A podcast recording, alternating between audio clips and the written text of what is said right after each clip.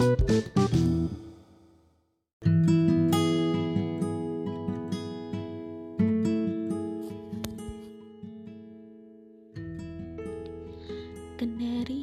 3 Agustus 2019 Langitnya malam berbintang Buminya malam bising.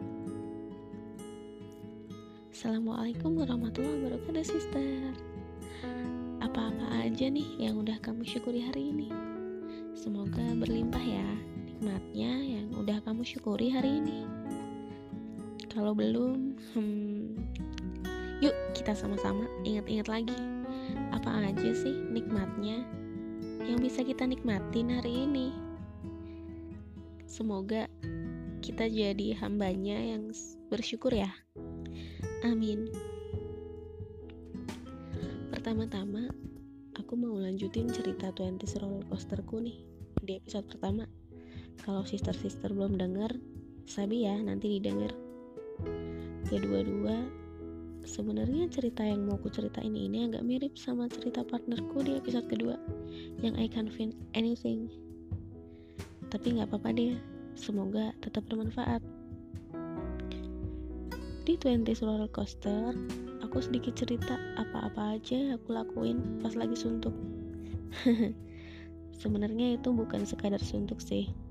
Qadarullah Allah kasih beberapa hal yang bikin aku kepikiran sampai agak down gitu.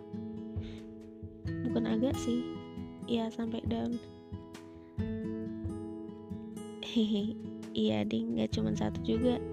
Udah kayak kereta. Beruntun berderet-deret makanya sampai agak-agak ansos kan. Nah sampai tuh ada satu titik di mana aku udah ngerasa capek banget. Kalau doa tuh maunya cuman bilang ya Allah aku manut. Manut aja deh sama kehendakmu. Manut tuh bahasa Jawa ya artinya kayak nurut gitu. Atau ngikut kayak ya udah apa pun yang Allah kasih ya udah iya gitu setelah ikhtiar ini itu kayaknya Allah tuh emang lagi ajarin aku buat pasrah gitu sih aku mikirnya. Mungkin selama ini aku belum pasrah betulan. Cuma di mulut aja gitu. Sebenarnya mah masih banyak maunya. Mau ini itu ini itu. Banyak sekali. Jadi lanjutin ya. Nah kalau tawakal itu kan konsepnya dia ada dua ya ikhtiar dan pasrah. Kalau ikhtiar sih ya insya Allah udah dilakuin deh. Udah ikhtiar A B C D. Dan seterusnya. Tapi pasrahnya mungkin sebenarnya aku belum terlalu paham pasrah tuh yang kayak gimana sih gitu. Iya tahu harus pasrah. Iya ngakunya udah pasrah.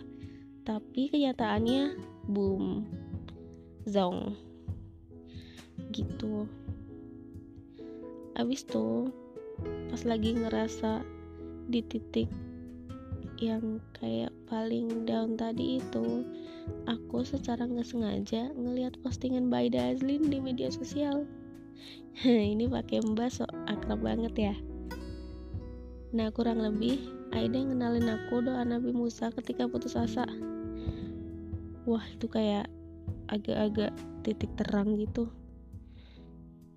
Di saat lagi ngerasa kayak ini tuh ujungnya nanti ke mana sih masalah si ABC ini? gitu. Terus kayak dikasih nih lo dikasih obat kayak gitu. Emang bener ya Allah kasih penyakit sekaligus obatnya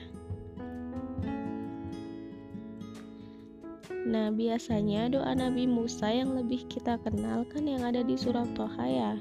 Yang Robi surah li sodri wa yasirli amri wa lulu kedatam milisani afkohu kauli kalau yang ini beda.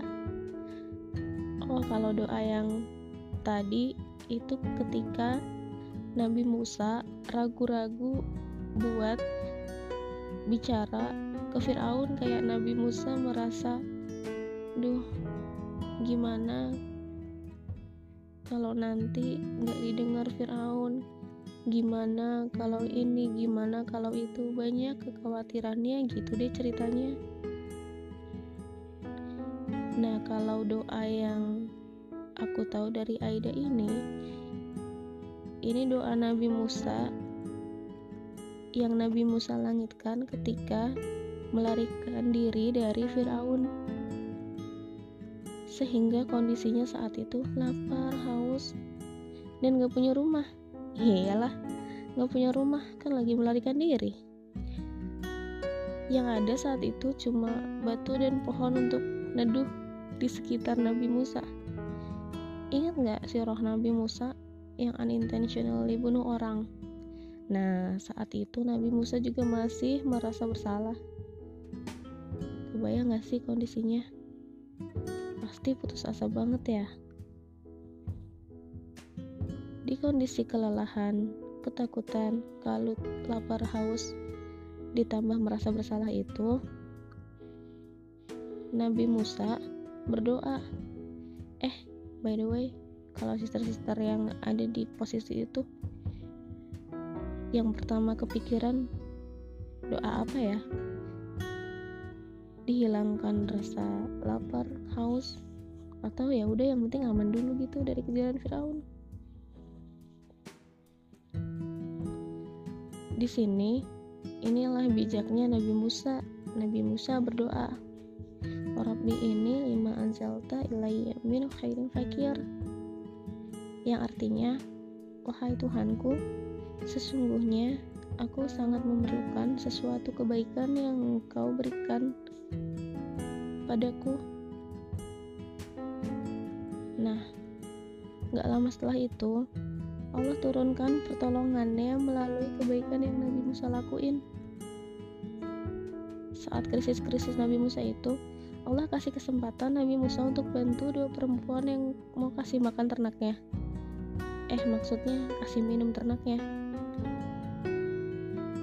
Ingat nggak si roh itu? Ya dibuka lagi di Al-Qasas. Bisa dibaca-baca sendiri. Ini cuma selintasan aja. Nah, bantuan Nabi Musa untuk kedua perempuan itu jadi pembuka jalan Nabi Musa untuk kemudahan-kemudahan hidupnya selanjutnya. Jadi benar-benar kayak pintu untuk masalah-masalah yang tadi ada di krisisnya Nabi Musa begitu.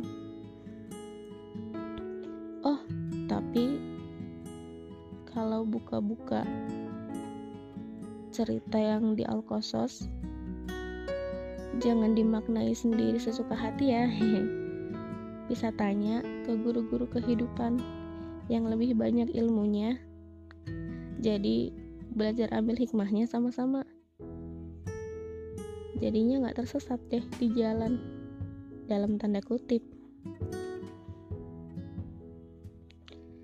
nah sejak itu aku kayak wah Masya Allah ini doa bagus banget kayak gitu.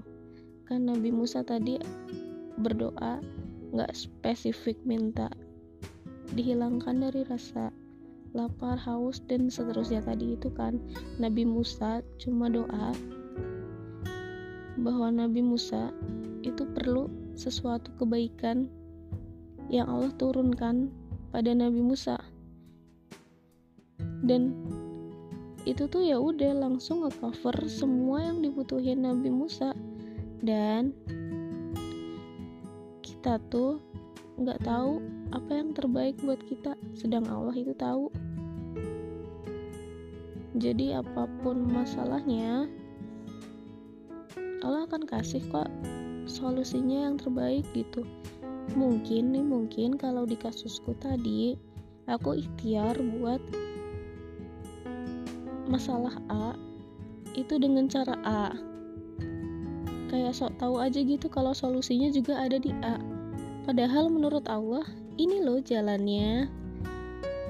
Pakai Z gitu. Lah itu kan jauh banget ya. Gitu. Jadi pertolongan Allah juga datang di eh dari arah yang gak akan kita duga dari mananya ya kan Sejak itu aku masukin doa ini ke daftar doaku. Lagi.